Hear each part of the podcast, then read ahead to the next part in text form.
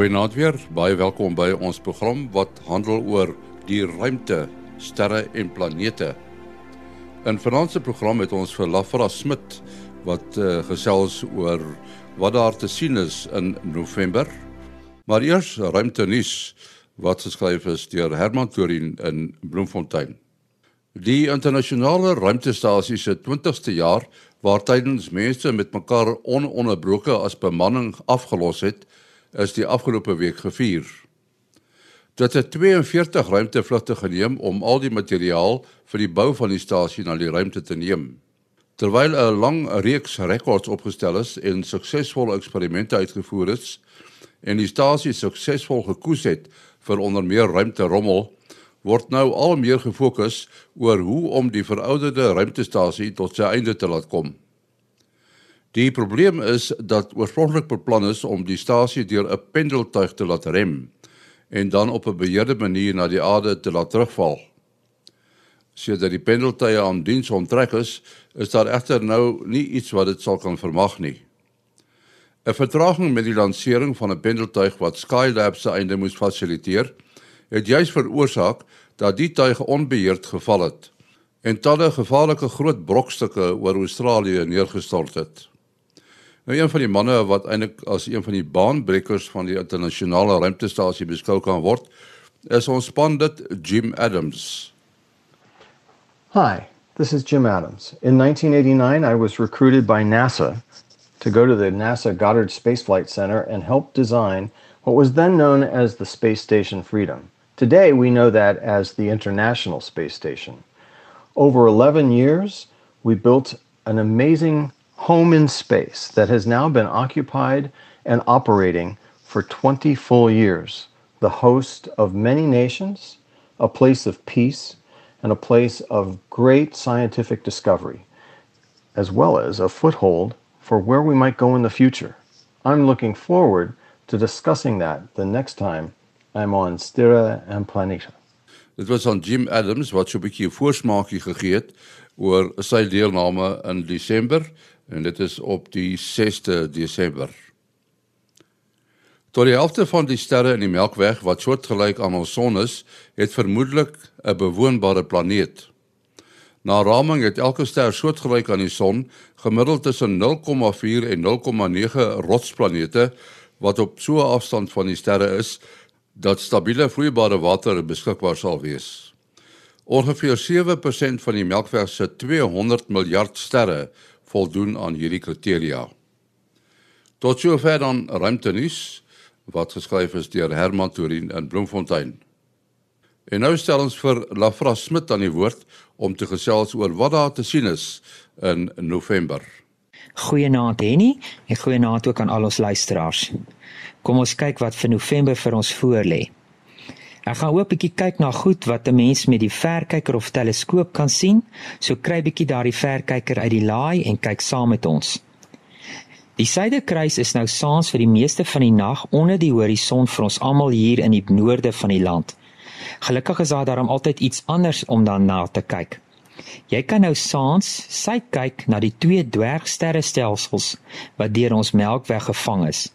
Met die blote oog op 'n donker plek lyk dit soos twee klein wolkies. Ook die dat hulle bekend staan as die Magellaanse wolke. Die klein Magellaanse wolk sal die hoogste sit en jy kan gerus ook met jou verkyker of teleskoop daarna kyk. 'n Gewilde en 'n maklike voorwerp naby die klein Magellaanse wolk is die Tucana 47 sterrebondel. Dit is naas Omega Centauri die tweede helderste sterrebondel in die hemelruim en is so 13000 ligjaar van ons af weg. Die Groot Magellaanse wolk sit bietjie laer, maar het ook 'n lekker helder voorwerp wat 'n mens maklik met 'n verkyker of 'n teleskoop kan sien, naamlik die Tarantula of die Tarantula nevel. Neem mens 'n lang beligte foto kan mens duidelik die groot Bobbejaan spinnekop binne in die Magellaanse wolk sien. Ek sal foto's van dit op ons Facebookgroep sit.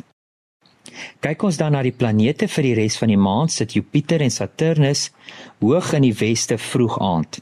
Hou hulle dop, want die twee beweeg al nader aan mekaar en gaan sorg vir iets baie spesiaals einde Desember, maar meer daaroor volgende maand.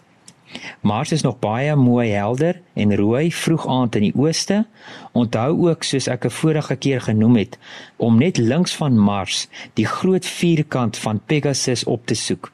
Spring dan van die regter onderste ster twee sterre nog na regs en soek dan in daardie omgewing vir die Andromeda sterrestelsel wat jy maklik met die blote oog sal kan sien as dit donker genoeg is of kyk maar met 'n verkyker.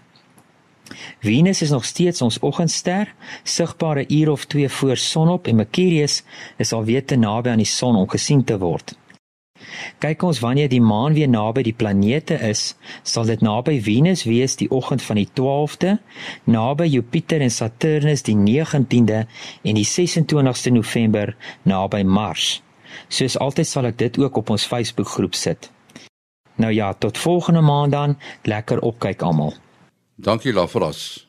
Nou soos jy gehoor het van eh, Jim Adams, is die internasionale ruimtestasie nou 20 jaar in die ruimte. Ja, Mati, dit is nogal 'n prestasie, né? Uh, ja nee, die uh internasionale ruimtestasie is 'n uh, baie duur projek wat uh vele lande aan deelgeneem het. Die groot spelers was nou maar uh natuurlik NASA, die Amerikaners en die die Russiese ruimteagentskap, maar as dit by die navorsing kom en by die bemanning het uh, heelwat ander lande deelgeneem. Uh, op die ou end dink ek het meer as 100 lande se wetenskaplikes deelgeneem aan eksperimente op die ruimtestasie en die ruimtestasie raak nou al bietjie ouer sê hulle. Uh en uh, dit sal al meer probleme gee maar dit sal darm nog waarskynlik 'n paar jaar in bedryf bly en ek uh, sien daar is sprake daarvan dat hy dalk vir ten minste 'n paar jaar daarna nog as 'n privaat ruimtestasie bedryf sal word. Ek weet nie of dit nou net vir toerisme, ruimtetoerisme sal wees nie. Uh ek sien net so 'n bietjie interessante statistiek hierso. Meer as 240 bemanningslede het oor die tydperk van 20 jaar uh die ruimtestasie uh besoek en van hulle en dan was daar ook sewe ruimtetoeriste wat dan natuurlik nou ook vir Mark Shuttleworth uh, van Suid-Afrika terwyl toe hy nog in Suid-Afrika was ingesluit het. Ja natuurlik was daar 'n hele klompie ruimtewandelinge vir uh, instrumente wat geïnstalleer moes word of 'n uh, uh, uh, installasiewerk. Die langste ruimtewandelinge was 'n goeie 9 uur en ek dink daar was twee van die ruimtemanne in die tydperk wat meer as 'n jaar lank op die ruimtestasie verstoef stoef het wat ek dink dan nogal 'n groot ontbering wel seker opwindend vir 'n tyd maar om in daardie uh, gravitasie effektief gravitasieloose omgewing vir 'n jaar te spandeer uh, moes 'n groot aanpassing gewees het en die terugkeer aarde dalk nog 'n groter aanpassing. Daar's al twee keer 'n lek gewees in die ruimtestasie. Die eerste keer was dit in die Russiese module gewees. Dit lyk wel dit ou en teruggespoor dat iemand het erns geboor en toe nou toe nou deurgeboor deur die deur die wand 'n uh, uh, gedeelte van die wand van die van die ruimtestasie en en dit het toe lek veroorsaak en dit het toe destyds reggemaak. Ek dink hulle met 'n opsie of iets dit uh, uh, dit reggemaak. Maar toe hulle nou in die laaste tyd weer 'n lek opgetel en hulle het uiteindelik uh module vir module afgesluit en die druk dop gehou en gekyk watter module dit is. En toe uiteindelik die module wat die uh, lekkernis opgespoor en um uh, maar het gesukkel om presies uit te vind waar die lek. Is baie lae uh, uh, level lek dis nie baie vinnig gelek nie. En uh, dis nogal moeilik ons wat in vakuum lekke opspoor uh weet presies hoe moeilik dit is. Tyd om 'n lek te kry en um toe hulle 'n baie interessante manier gebruik om die lek te vind waar hy lek. Hulle het 'n 'n teesakkie met wat baie fyn tee is. Het hulle het hulle oopgeskeur en uitgeskit en dit het nou in die hele ruimte uh, uh, in beweeg en toe hulle die die ding afgesluit en um so uh, ek kan nie onthou hoe lank nie maar 'n tyd later weer gaan oopmaak en toe het hulle gesien waar die lekkers gaan die teen nou probeer uitsuig. En hom toe net eers met daktyp toe geplak hoekom nie? En ehm um, en en totdat hulle nou later sal permanent regmaak. So ja selfs sulke goedes moet jy ontbeer wanneer jy daar in is.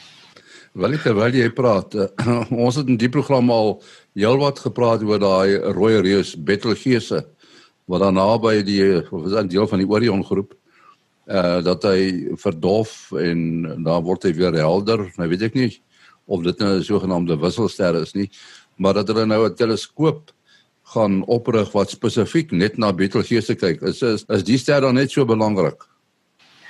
Uh, ja, dit is interessant. 'n uh, uh, so helder ster soos Betelgeuse is aan die een kant eintlik moeilik om te bestudeer. Uh, as ek nou vat ons eie sterrewag hier in Sutherland, ons het nie vermoë om Betelgeuse te bestudeer nie omdat hy te helder is. Ehm uh, mense dink nou okay, dis nou snaaks. 'n teleskoop so SALT kan ehm um, die die dan nou af wat se tipe werk jy op 'n ster wil doen, maar as jy net wil met die CCD kameras afneem, moet hy ten minste magnitude 11 en en dowwer wees. Nou om vir mense idee te gee, jou helderste sterre is magnitude 0 en uh is 'n verkeerde omskaal en in magnitude 6 is omtrent die dofste sterretjie wat jy uit 'n Karoo nag sonder maan kan sien met jou blote oog.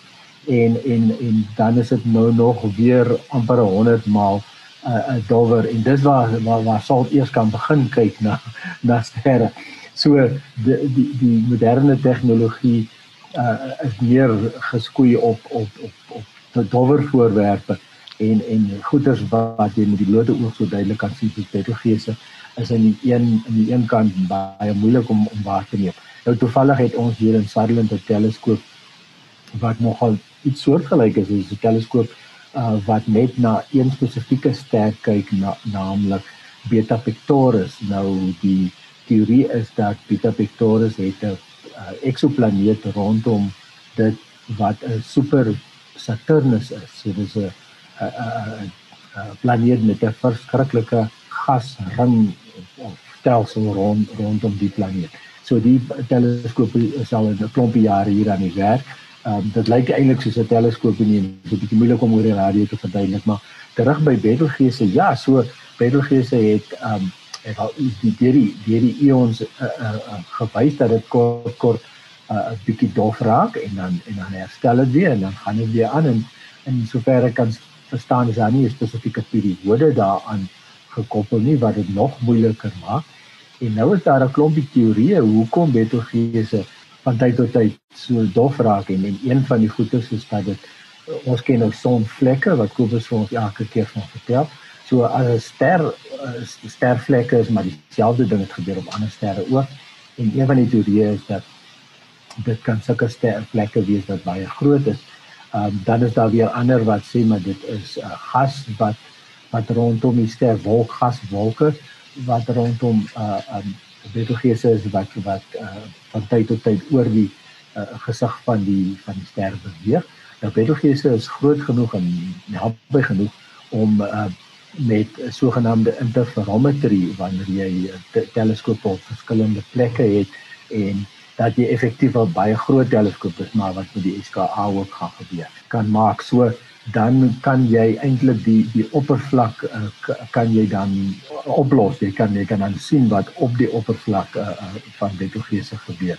En daar's ook um, sekere goed wat in die radiogolflengtes uh um, vir hulle kan uh, aanduidings gee. So met 'n onlangse simposium het hulle so as gou-gou so agter op 'n op 'n op 'n sigaret dosie 'n vinnige ontwerp konsep neergesit waar jy dan kan werk met 'n 12 uh, meter radioantenne uh, en dan ook teleskope wat gekoppel is aan die aan die radioantennes en uh, dan teleskope wat dan net spesifiek na Betelgeuse gaan kyk om 'n bietjie uit te vind wat wat presies gebeur rondom Betelgeuse.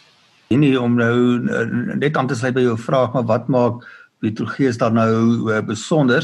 uh, behalwe dat hy nou hierdie interessante verandering het, is hy 'n baie groot ster en omdat hy ook relatief naby is, is dit een van die min sterre uh wat hulle op fotos kan die grootte van die ster soort van sien. So jy kan sien dit is nie net 'n ligpunt nie. Ek onthou daar was so 'n foto seker 20 jaar gelede deur die Hubble teleskoop geneem wat nou vir jou die uh, foto van die rooi sirkel wat nou werklik die atmosfeer van Betelgeuse gewys het en dan dit nou vergelyk met die sonnestelsel en aantoon dat dit uh, tot naby uh, Jupiter omtrent uh, strek. Uh so dit gee nou dan die kans om met hierdie spesifieke teleskoop wat dan nou effektief uh, danksy die montering van die kleiner teleskoop op die groot radioskottel uh kan hulle dan baie fyner gaan meet hoe die uh grootte van die ster uh, van Betelgeuse verander uh en hoe dit moontlik korreleer met van die helderheidsveranderinge. Ons het nou 'n brief gekry ook onder andere van 'n uh, man met die naam van Willem Koekebakker en dit kom van Hekelingen in, in Nederland af. Maatie, hy hy wou weet uh, of 'n mens kan sê dat Jupiter eintlik 'n mislukte son is. Uh ja, Jupiter is nou die uh, sover ek weet die een planeet wat meer hitte uitstraal as wat hy van die son ontvang dan kom er nog hitte uit wat binne hom gegenereer word omdat hy as ware nog saamtrek. Uh en dan het jy nou die potensiële energie, die gravitasie potensiële energie wat dan iets anders moet omgeskakel word en uiteindelik eindig dit by op as as hitte. Nou om 'n ster te vorm moet jy genoeg massa hê sodat jy uiteindelik binne in die uh, binne in daardie liggaam wat vorm deur die sametrekking uh die verhitting kry wat dan kan tot so hoë temperatuur uh kan lei saam met 'n baie hoë druk dat die kernsmelting kan begin. En dan praat mens nou van miljoene grade Celsius.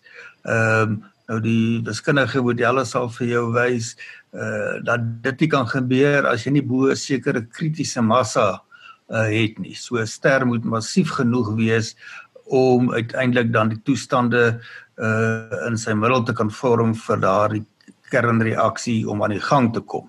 En in Jupiter se geval was dit nou net nie genoeg massa nie. Uh en mens kry dan nou nog 'n bietjie groter sterre as Jupiter, ag planete as Jupiter, uh super Jupiters wat so jy kan nog 'n bietjie groter as Jupiter gaan voor jy nou by die liggame kom wat dan noodwendig 'n uh, ster uiteindelik moet vorm. Ja, dis interessant ook ek het hier uh, gekyk uh, verskillende getalle wat hulle reken hoeveel keer Jupiter groter wees en dit lê ergens tussen 13 en, en 80 maal uh sy huidige massa wat Jupiter sal nodig hê om om as 'n ster te, te ontspring. Uh, dit sal natuurlik eers 'n breindwergster wees en en uh wat uh, die aard van die saak om net hitte uitsit en nie nie, nie baie lig nie. Wat ons het 'n brief ook gekry van Niels Etzebeth van Durbanville. Hy sê hy het 'n vraag oor temperature in die buiteruim. Hy wys daarop dat die uh die warmste planeet in ons sonnestelsel is Venus, dis natuurlik waar, en die koudste Pluto. Maar hy wil weet of daar iets soos 'n gemiddelde temperatuur op 'n wyeer skaal is vir die uh in die sterrestelsel.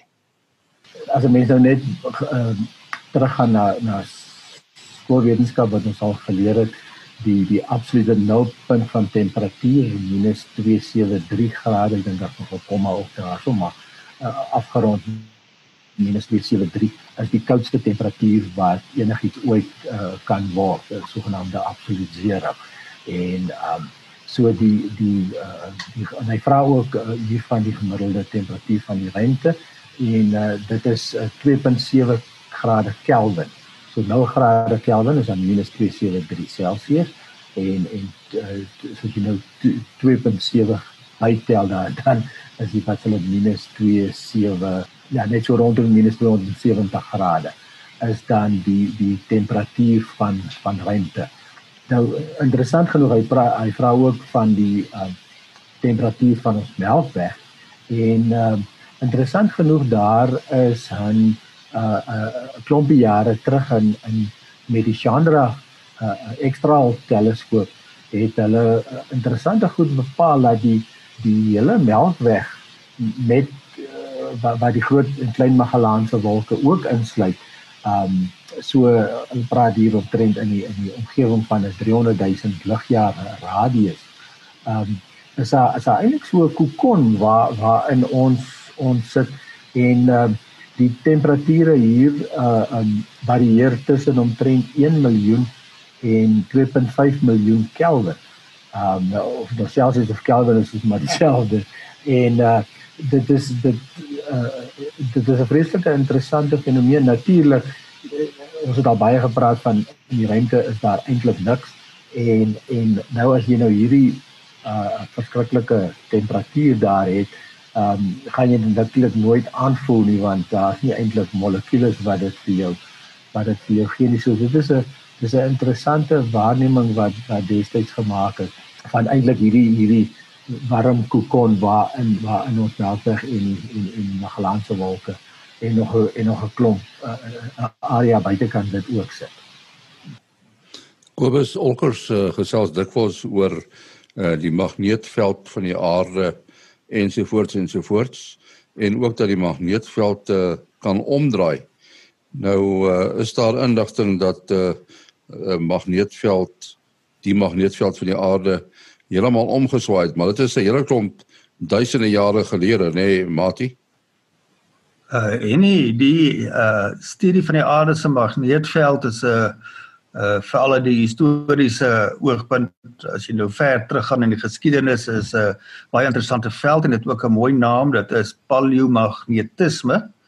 Uh nou uh die die tempo of die sê die periode waarmee die magneetveld omkeer en daar's duidelike uh tekens in die gesteentes veral in lava uh en sekere sedimentêre gesteentes dat die uh in die lang, lang geologiese geskiedenis die aarde se magneetveld verskeie kere of baie kere uh, omkerings beleef het. En die tipiese tydperk tussen die omkerings uh, sien ek is hier so tussen 200 tot 300 000 jaar. So dit is baie lank in vergelyking met uh sê die uh, tydperk van een geslag uh uh mense.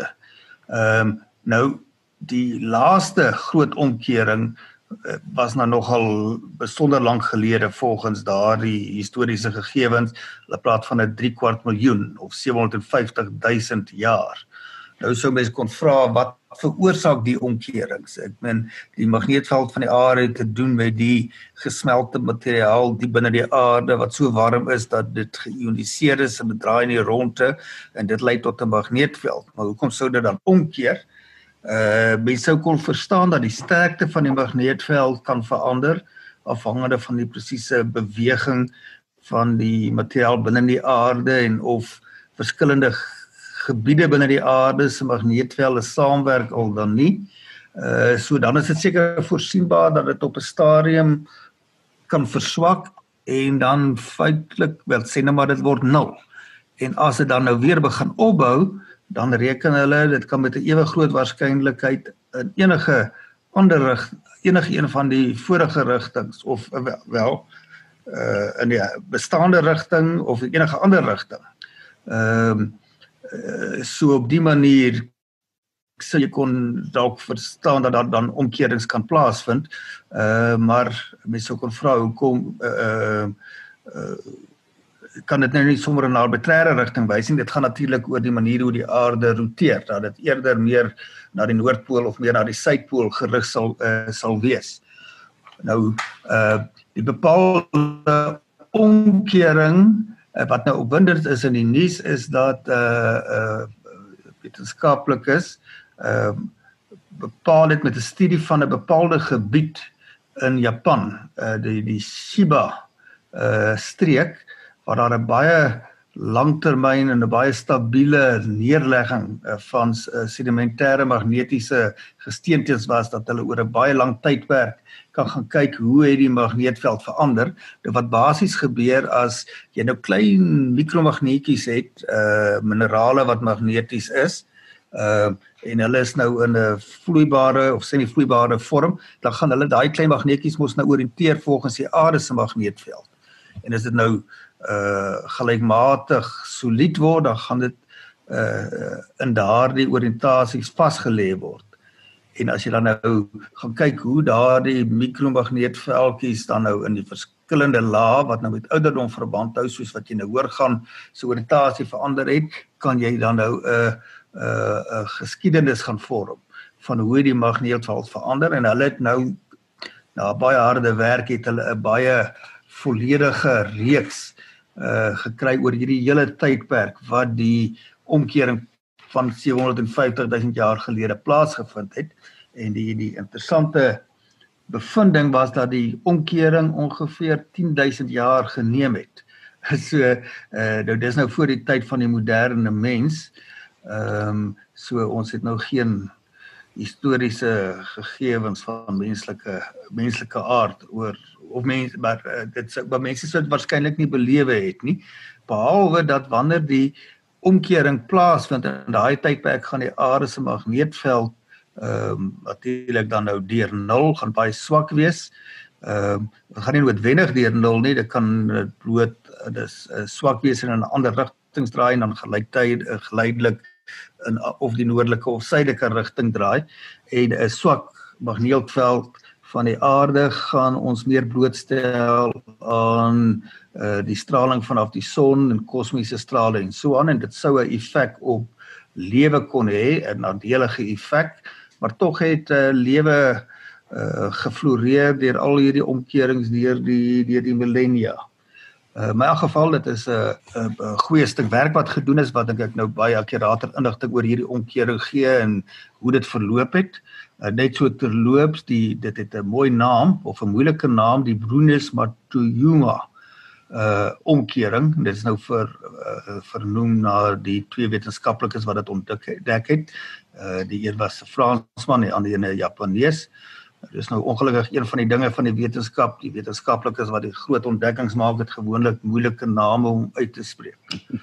Uh ons moet dalk net vir die mense sê dat daar is 'n verskil tussen die ware Noord- en Suidpool en die magnetiese Noord- en Suidpool. Ja, ja, is 'n aansienlike verskil. Uh wil jy my nou help, maar dit is uh oor die 20 grade op hierdie stadium en dan verander dit ook nog uh geleidelik. So as jy 'n kaart het, wat vir jou daardie uh verskil aandui, dan moet jy ook weet op watter datum dit was en aan die tyd wat ons dan nog kaartwerk met kompasse gewerk het, deesdae kan ons nou regkom met uh uh GPS, weet 'n uh, moderner maniere van van rigting vind, maar uh in my jong dae moes ons nog met kompasse werk en jy moes gereeld daardie uh verskil in ag geneem het. Op die daardie uh, uh, magnetiese noordpool van die aarde beweeg reël 'n paar honderd meter per jaar en hy beweeg die tempo waarteen hy beweeg verander, verander ook in 'n uh, eeuse tyd is dit 'n groot verandering. Jy weet kan dit 'n hele klompie honderde of uh, kilometers wees. Ja jy is reg maar die dit uh, ja die magnetiese afwyking verskil van plek tot plek en uh, en en dit beweeg soos jy sê en dit uh ek meen Ogalles beteken die baai van naalde en op die stadium toe weet jy wat se vader af by gaan dit was die afwyking daar nul gewees maar uh dit dit verander gedurig en en dis dit is plekke eintlik baie meer as 20 grade ons moet afsluit uh wil jy jou besonderhede ja mense kan bel SMS WhatsApp 072 45 79208 0724579208. En Almati? Uh 0836257154. 0836257154. En dan die program se e-pos adres is sterreplanete@gmail.com. sterreplanete@gmail.com. Volgende week kuier ons weer saam. Tot dan, alles van die beste.